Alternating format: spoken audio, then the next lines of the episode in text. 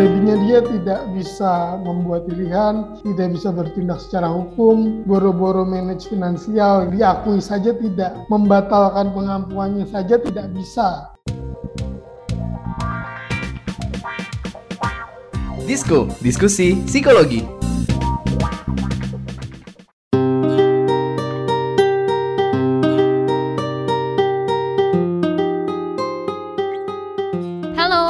Selamat datang kembali di podcast Disco Diskusi Psikologi Persembahan Kantor Berita Radio KBR bersama komunitas Into the Light Indonesia. Hapus stigma, peduli sesama, sayangi jiwa. Semoga kabar Warrior baik-baik aja. Semoga baik-baik aja. Semoga semuanya baik-baik aja. Amin, amin. Semua berjalan dengan lancar. Uh, gue tuh barusan ya dengerin lagu-lagu 90-an Zar. Lagu siapa? Kalau lagunya Indonesia gini, oh sayang sayang. Ayo tebak siapa? Gak tahu. Oh berarti bukan anak 90-an ya? Lagunya Britney Spears. Aduh, gue gak dengerin. Ah serius? Enggak, gue tahu toxic doang udah satu. Ah emang lu toxic sih. tapi tapi Britney Spears ini update terbarunya juga nggak tahu dong soal pengampuan gitu. Kayak gimana tuh emangnya? Jadi si Britney itu selama 13 tahun kan berada di pengampuan papanya Ah. gitu ya. Dan dia memang eh, sampai ada orang-orang tuh yang nyeruin di Twitter hashtagnya itu Free Britney. Jadi semua itu pada pengen banget membebaskan Britney apalagi pas lagi proses sidang conservatorship yang memang meminta supaya penyanyi itu tuh nggak lagi di bawah ampuan papanya gitu loh. Dari tadi kan lu ngomongin tentang pengampuan-pengampuan. Hmm, hmm, hmm. Jadi kayak diambil alih gitu loh haknya dia itu dipenuhin Hah? sama eh, papanya Bokapnya. gitu, bokapnya dan dia tuh nggak punya hak sendiri untuk memutuskan dia eh, sampai ke duitannya juga sampai keuangannya juga dia nggak bisa nggak bisa megang Tapi sendiri. kenapa dia sampai diampu pas di awal ya? Nah ini nih, karena kan selama ini si Britney itu masuk di pengampuan karena memang kondisi kesehatan mentalnya dia tuh. Ah. Nah, jadi di persidangan tuh sama hakim si Britney itu bilang kalau dia tuh pengen banget hidup kembali seperti pada umumnya lah Ah, manusia gitu iya, loh iya, punya iya, hak iya, sendiri iya, untuk iya. memutuskan segala sesuatu itu dari diri dia gitu. Jadi si lewat pengacaranya Hah? juga Britney Spears itu pengen banget supaya papanya si Jamie Spears itu nggak lagi jadi pengampunya gitu loh Zar. Ya udah agak jelas sih, cuman kayaknya biar gua makin gak bingung ya. Kayak banyak banget istilah yang gue baru tahu nih. Oke. Nah, biar kita semua makin paham lagi nih di episode kali ini kita akan membahas lebih lanjut soal yang tadi Nomi udah singgung soal pengampuan orang dengan disabilitas psikososial. Yes betul. Di sini kita juga udah kedatangan dua narasumber yang kece banget ya, yang bakal ngebantu kita deh untuk menjelaskan seputar pengampuan tadi ini seperti apa. Ada Kak Hisham Ikhtiar. Nah, Kak Hisham ini adalah staf riset dan program Lembaga Bantuan Hukum Masyarakat. Dan selain Kak Hisham, kita juga bareng Kak Purwati. Kak Purwati adalah koordinator dan advokasi jaringan Sasana Inklusi dan Gerakan Advokasi Difabel atau SIGAP. Podcast Disco kali ini didukung oleh Lembaga Bantuan Hukum Masyarakat dan Australia Indonesia Partnership for Justice 2. Jadi aku sendiri tuh kalau pengampuan taunya tadi gitu ya, Ah. secara simpelnya tuh taunya eh, kita tuh diwakilin orang gitu gampangnya. Nah sebenarnya apa sih kak pengampuan itu? Iya, Kak Hisham apa sih Kak pengampuan? Oke, eh, jadi iya benar tadi eh, dibilang pengampuan itu sebagai bentuk ini ya, kita diwakili sama orang lain. Kalau misalnya mirip-mirip sama perwalian, kalau misalnya anak kecil, kalau anak di bawah umur kan biasanya ada tuh wali atau orang tua tuh yang dia ngurusin raportnya, terus bayarin sekolah dan segala macam, ngurusin keuangannya, kehidupannya segala macam. Nah, pengampuan itu sebenarnya mirip-mirip kayak perwalian, tapi pengampuan ini untuk eh, orang yang udah dewasa, yang udah 18 tahun ke atas. Mungkin singkatnya, pengampuan ini eh, seperti ada orang lain yang nanti akan mengurus dan mengambil alih hak-hak si orang yang diampu ini eh, untuk membuat pilihan kayak misalnya mengatur keuangan tadi disebut dan juga membuat pilihan-pilihan yang lain gitu. Nah, Kak Hashim, kalau misalnya tentang pengampuan tadi, seperti apa sih kondisi pengampuan terhadap ODP di Indonesia? Orang dengan Hasim, disabilitas psikososial Iya, ya ODP. benar. Mm. Jadi kalau di Indonesia sendiri, kalau secara hukum ya, kalau secara hukum ada eh, ketentuan pengampuan di Kitab Undang-Undang Hukum Perdata, Hukum Perdata. Secara ketentuan sebenarnya kalau dari segi hukum ya, pengampuan itu wajib atau harus. Jadi misalnya ada orang ODP gitu yang orang dengan disabilitas psikososial, dia wajib ditaruh di bawah pengampuan. Artinya itu bukan pilihan Hmm, tapi iya iya itu kok benar-benar. Iya. keharusan gitu. Hmm. harus ditaruh di, di bawah pengampuan dan kalau di Indonesia sebenarnya singkatnya pilihannya eh, cuma boleh diampu sama keluarga atau misalnya kalau dia punya suami atau istri nah hanya boleh istri atau suami atau keluarganya kayak misalnya ayahnya ibunya atau saudaranya adiknya kakaknya gitu jadi sangat terbatas pilihannya Apa faktor-faktor yang buat jadi orang itu harus eh, jadi diampu gitu loh? Iya, wajib diampu gitu ya malah ya. Iya. Dia nggak ada ada pilihan lagi. Sebenarnya kalau secara pasal ya yang harus diampu tuh ada empat kategori. Setiap orang yang selalu berada di dalam keadaan dungu, gila, mata gelap, atau boros. Secara definisi pun kalau kalau dari segi hukum ya belum ada tuh definisi khususnya apa itu gila, apa itu eh, mata gelap, apa itu eh, dungu. Tapi kalau mungkin kalau kita cek KBBI mungkin ada ada beberapa yang ada definisinya. Cuma kalau secara ketentuan hukum sebenarnya nggak ada tapi eh, kalau secara praktik Mm-mm. Dia biasanya menyasar ODP atau orang-orang dengan disabilitas sosial baik itu disabilitas intelektual dan juga disabilitas mental biasanya yang kena kayak misalnya orang dengan skizofrenia, orang dengan bipolar, orang dengan ya gangguan jiwa-gangguan jiwa yang lain. Ah. Gitu kalau di Indonesia biasanya. Nah, menurut Kak Hisyam nih, apakah pengampuan dan prosesnya ini udah tepat dilaksanakan untuk apa ya, mendukung ODP yang menjalankan aktivitasnya di Indonesia ya? Menarik nih, apakah pengampuan ini tepat ya? Iya, Kalau iya. misalnya ditinjau dari kan pengampuan ini ada di hukum perdata ya, yang mana hukum perdata Indonesia ini kalau secara background dia warisan dari kolonial Belanda zaman Hmm. dulu, udah ratusan tahun umurnya, hanya diadopsi lalu diterjemahkan ke bahasa Indonesia. Tapi secara substansi dia eh, adalah hukum yang dibuat ratusan tahun yang jadi eh, kalau misalnya apakah tepat dari segi umur saja sepertinya sudah ini ya sudah ada luar lah istilahnya kalau makanan gitu ya. Hmm. sudah terlalu lama sudah terlalu tua. Itu baru dari segi umur. Ditambah lagi kalau dari segi konsep nah konsep ini konsep pengampuan ini kan memindahkan haknya si ODP ke orang lain ya. Yang artinya dia disubstitusi tuh haknya dipindahkan. Hmm. dicabut lalu dipindahkan ke orang lain. Nah ini sebenarnya bertentangan sama konvensi internasional hak penyandang disabilitas atau singkatnya CRPD. Nah, CRPD ini sebenarnya mengatur tentang hak-hak apa saja yang dimiliki disabilitas dan harus dipenuhi oleh negara dan kebetulan Indonesia sendiri secara hukum dia sudah meratifikasi, artinya harus mentaati ketentuan-ketentuan yang ada di Hmm. CRPD ini sementara pengampuan ini sangat bertentangan ya terutama dengan pasal 12 di CRPD itu ada disebut kesetaraan di muka hukum sementara kalau misalnya secara praktik eh, ketika seorang itu ditaruh di bawah pengampuan maka dia sudah bukan lagi eh, orang yang bisa bertindak secara hukum gitu. Haknya sebagai subjek yang setara di muka hukum eh, dicabut hilang dan tidak bisa kembali kecuali pengampuannya dibatalkan. Gitu. itu secara garis besar di Indonesia. Baik. Oke. gitu kira-kira Baik Kak Hisyam, tapi eh, sebelum kita ngobrol lebih lanjut lagi sama Kak Hisyam juga, kita juga mau tanya nih sama Kak Purwanti ya. Eh, nah, Kak Purwanti, apa aja Iya. sih yang dihadapi oleh ODP ini yang perlu Iya. mendapat perhatian dari Iya. kita gitu? Bener-bener bener. Orang-orang Iya. di sekitarnya ya, Iya bener nih Kak. Nah, kalau berbicara soal disabilitas ya, itu kan bagaimana kita membangun lingkungan yang eh, positif bagi mereka, lingkungan yang memanusiakan mereka, yang eh, menjaga, melindungi mereka, membuka partisipasi mereka baik dalam keluarga, di masyarakat maupun di lingkungan di mana pun eh, mereka berada. Karena selama ini diskriminasi itu sangat-sangat luar biasa ya bahkan ketika tadi yang disampaikan Mas Hasim, ketika seseorang itu sudah ditetapkan di bawah pengampuan, bahasa kami itu terjadi kematian perdata.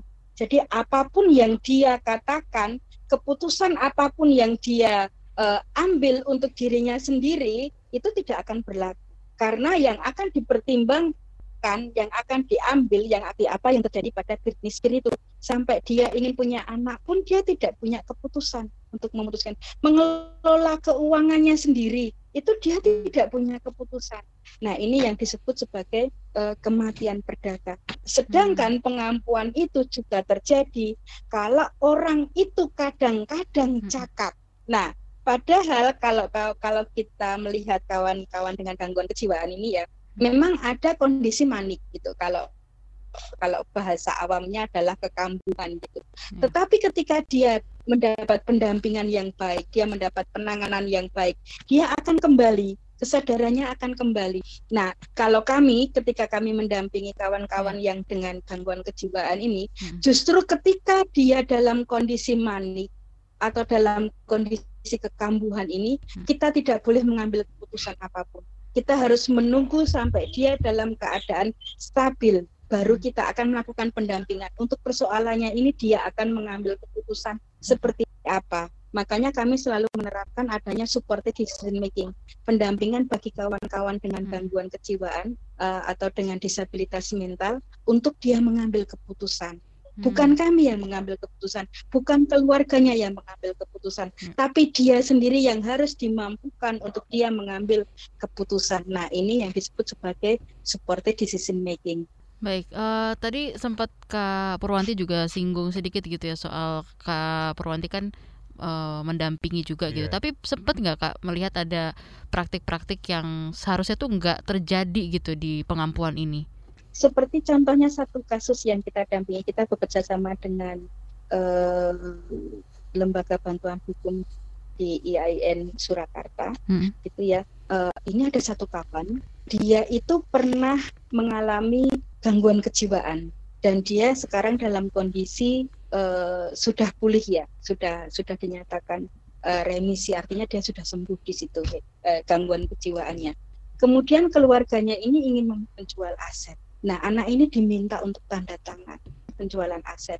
Nah, ternyata uang yang menjadi hak anak ini akan dikelola oleh kakaknya dan ibunya gitu. Otomatis ini tidak akan tidak akan mendapatkan warisan nih dengan model seperti ini hmm. karena alasannya dia adalah uh, pernah mendapatkan perawatan gangguan kejiwaan. Padahal dia ini bisa bekerja, dia mandiri walaupun uh, karena keluarganya juga tidak menginginkan dia ya malu karena punya anggota keluarga yang dengan gangguan kejiwaan ini akhirnya dia tidak diakui sebagai anak tapi tiba-tiba ketika akan menjual aset ini dicari dan diminta tanda tangan kayak begitu hmm. ironi kan kayak gitu. Iya.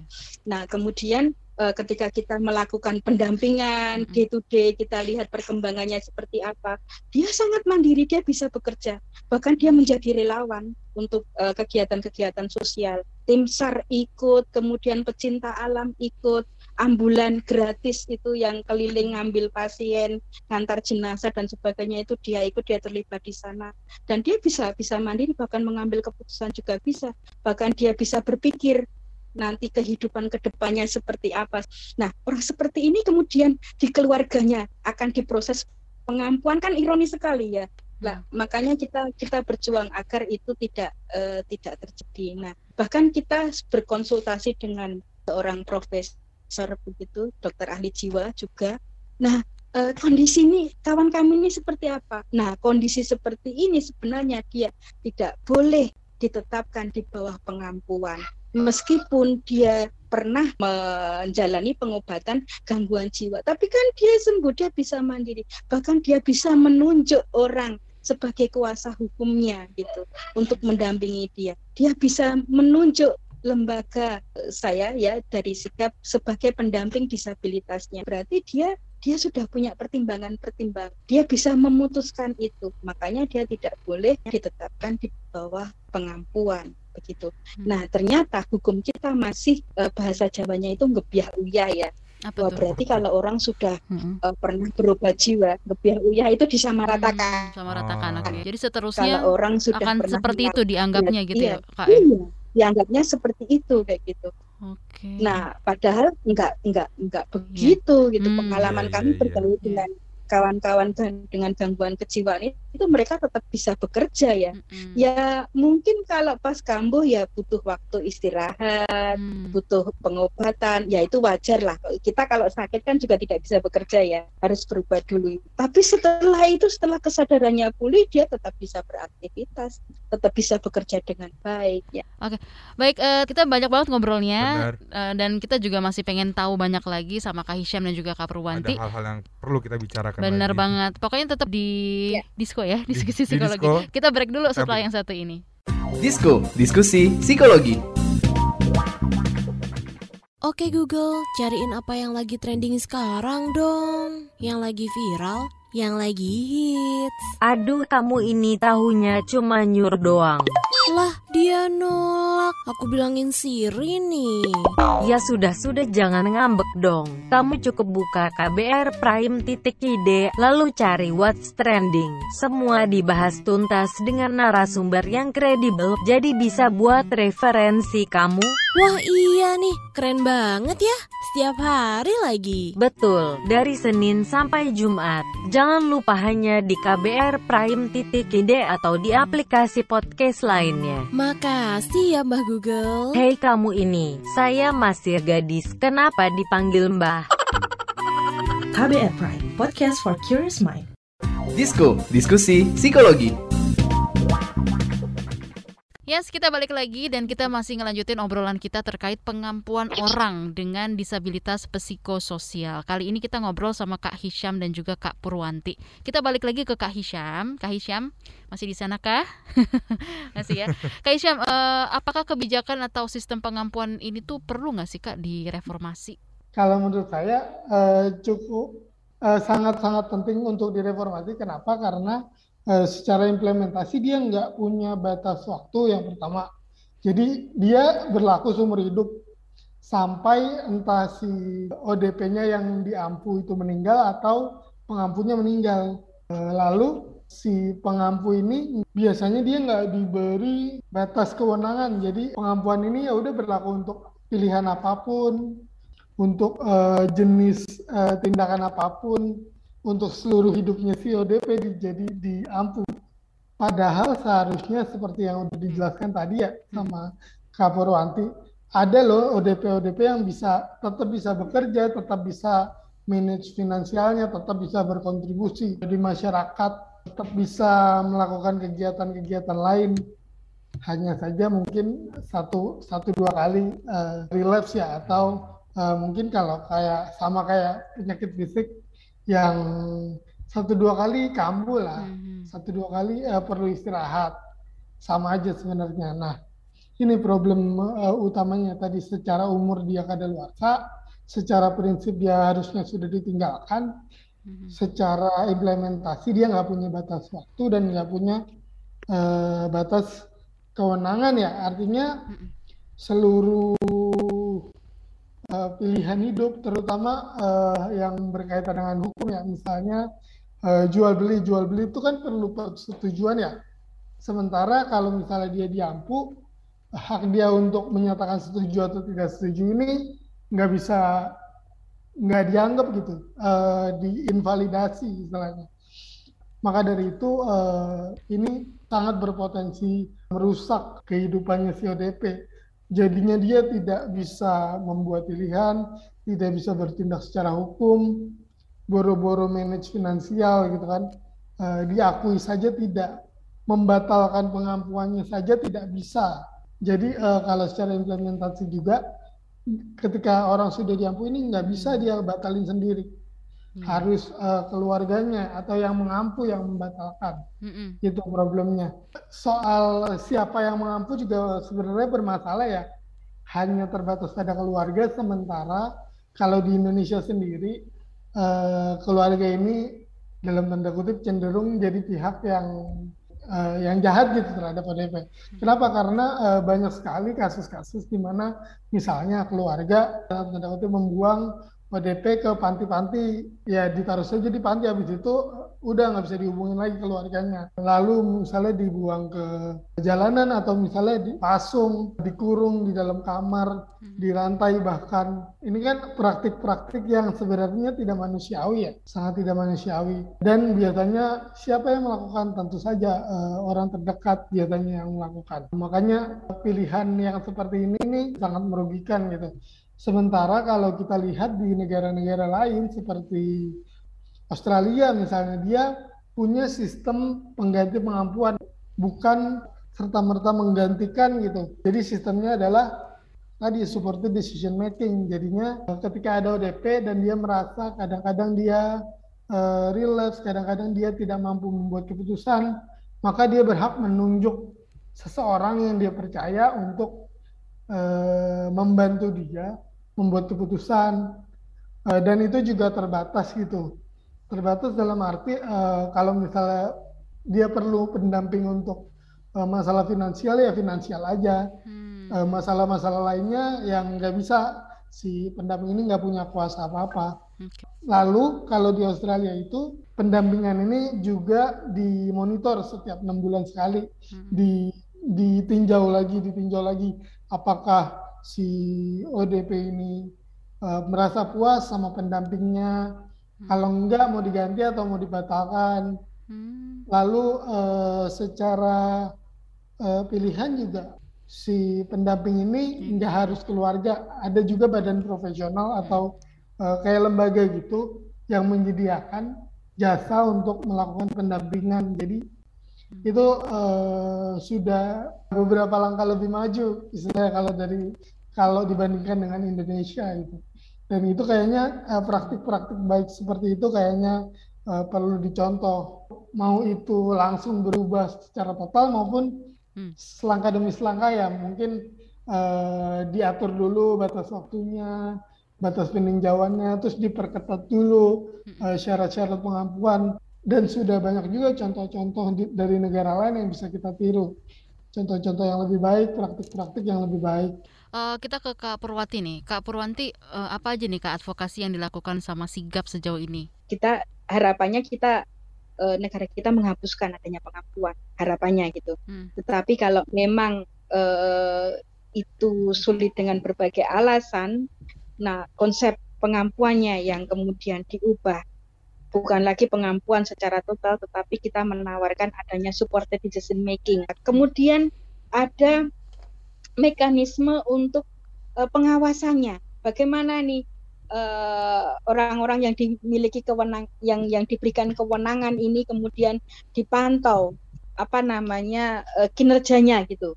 Kemudian dievaluasi gitu. Nah, sehingga akan terkontrol bagaimana uh, perilaku mereka pada kawan-kawan uh, dengan disabilitas yang uh, memberikan kewenangan kepada uh, mereka begitu. Sehingga ada apa ya ada mekanisme untuk melihat itulah gitu. Akan akan terjaga di situ terlindungi di situ. Nah kemudian uh, kewenangan penuh untuk menunjuk ini diserahkan kepada kawan-kawan yang akan menunjuk uh, supported decision making bagi mereka. Jadi bukan lagi putusan dari uh, pengadilan yang menetapkan ini pengampunnya adalah A, B, C karena kan harus apa ya menyamping dan tegak lurus kan, tidak boleh orang lain gitu.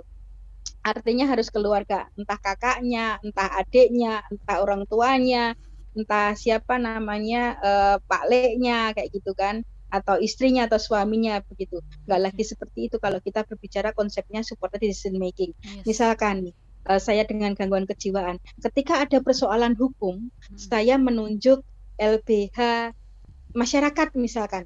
Nah, nanti untuk persoalan hukum hanya hanya LBH masyarakat yang punya kewenangan di situ. Terus misalkan ke penanganan kesehatan saya menunjuk uh, misalkan klinik ya udah ini yang akan menangani dia gitu. Tidak bisa nanti lantas dipindah-pindah semaunya kayak gitu. Atau uh, untuk pemutusan keuangan menunjuk lembaga apa atau orang siapa yang akan membantu dia di dalam keuangan. Nah, sehingga ini kontrolnya banyak nih karena tidak ada kekuasaan mutlak di situ. Ketika terjadi persoalan, lah ini mereka akan punya peran untuk ini mendiskusikan bersama. lalu keputusannya akan bagaimana kayak gitu. Hmm. Nah, sehingga akan terlindungi kayak begitu. Ribet ya proses pengampuan Ya dan dan eh, ini nggak kerasa banget waktu kita juga udah udah apa namanya saking serunya Iya. dengerin Kak Prosesnya gampang, Purwanti. ribet dampaknya. Oh, Iya, prosesnya benar. gampang, ribet Ribet dampaknya. dampaknya. Itu benar juga sih. Thank you banget untuk Kak thank you buat Kak Hisham. Hisham dan Kak Purwanti Kak juga. Purwanti Dan eh, sampai di sini dulu podcast Disco kali ini yang didukung oleh Lembaga Bantuan Hukum Masyarakat dan Australia Indonesia Partnership for Justice too. Dan dari obrolan kita tadi yang eh, lumayan banyak dan juga seru gitu ya. Nah, Sebenarnya kalau ditinjau dari hukum perdata sih hukum pengampuan itu ternyata warisan kolonial yang udah berumur ratusan tahun juga sih ya. Udah terlalu tua dan secara konsep juga hak ODP itu dipindahin ke orang lain dan ini ternyata bertentangan dengan eh, konvensi hak-hak penyandang disabilitas atau CRPD gitu. Terus Dan- kalau menurut Bizar itu gimana Zar? dan tadi kayak gue baru menyadari ternyata Hmm.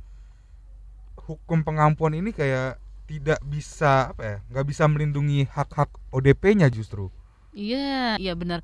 Dan eh, ternyata dari obrolannya Kak Hisham, kemudian dari Kak Purwanti juga tentunya ODP di bawah pengampuan itu ternyata perlu lah yang namanya eh, supported decision making gitu kan. benar-benar Karena perlu dicoba eh, supaya ODP itu punya kapasitas hukum sebagai subjek hukum yang bisa ambil keputusan di hidupnya masing-masing gitu loh.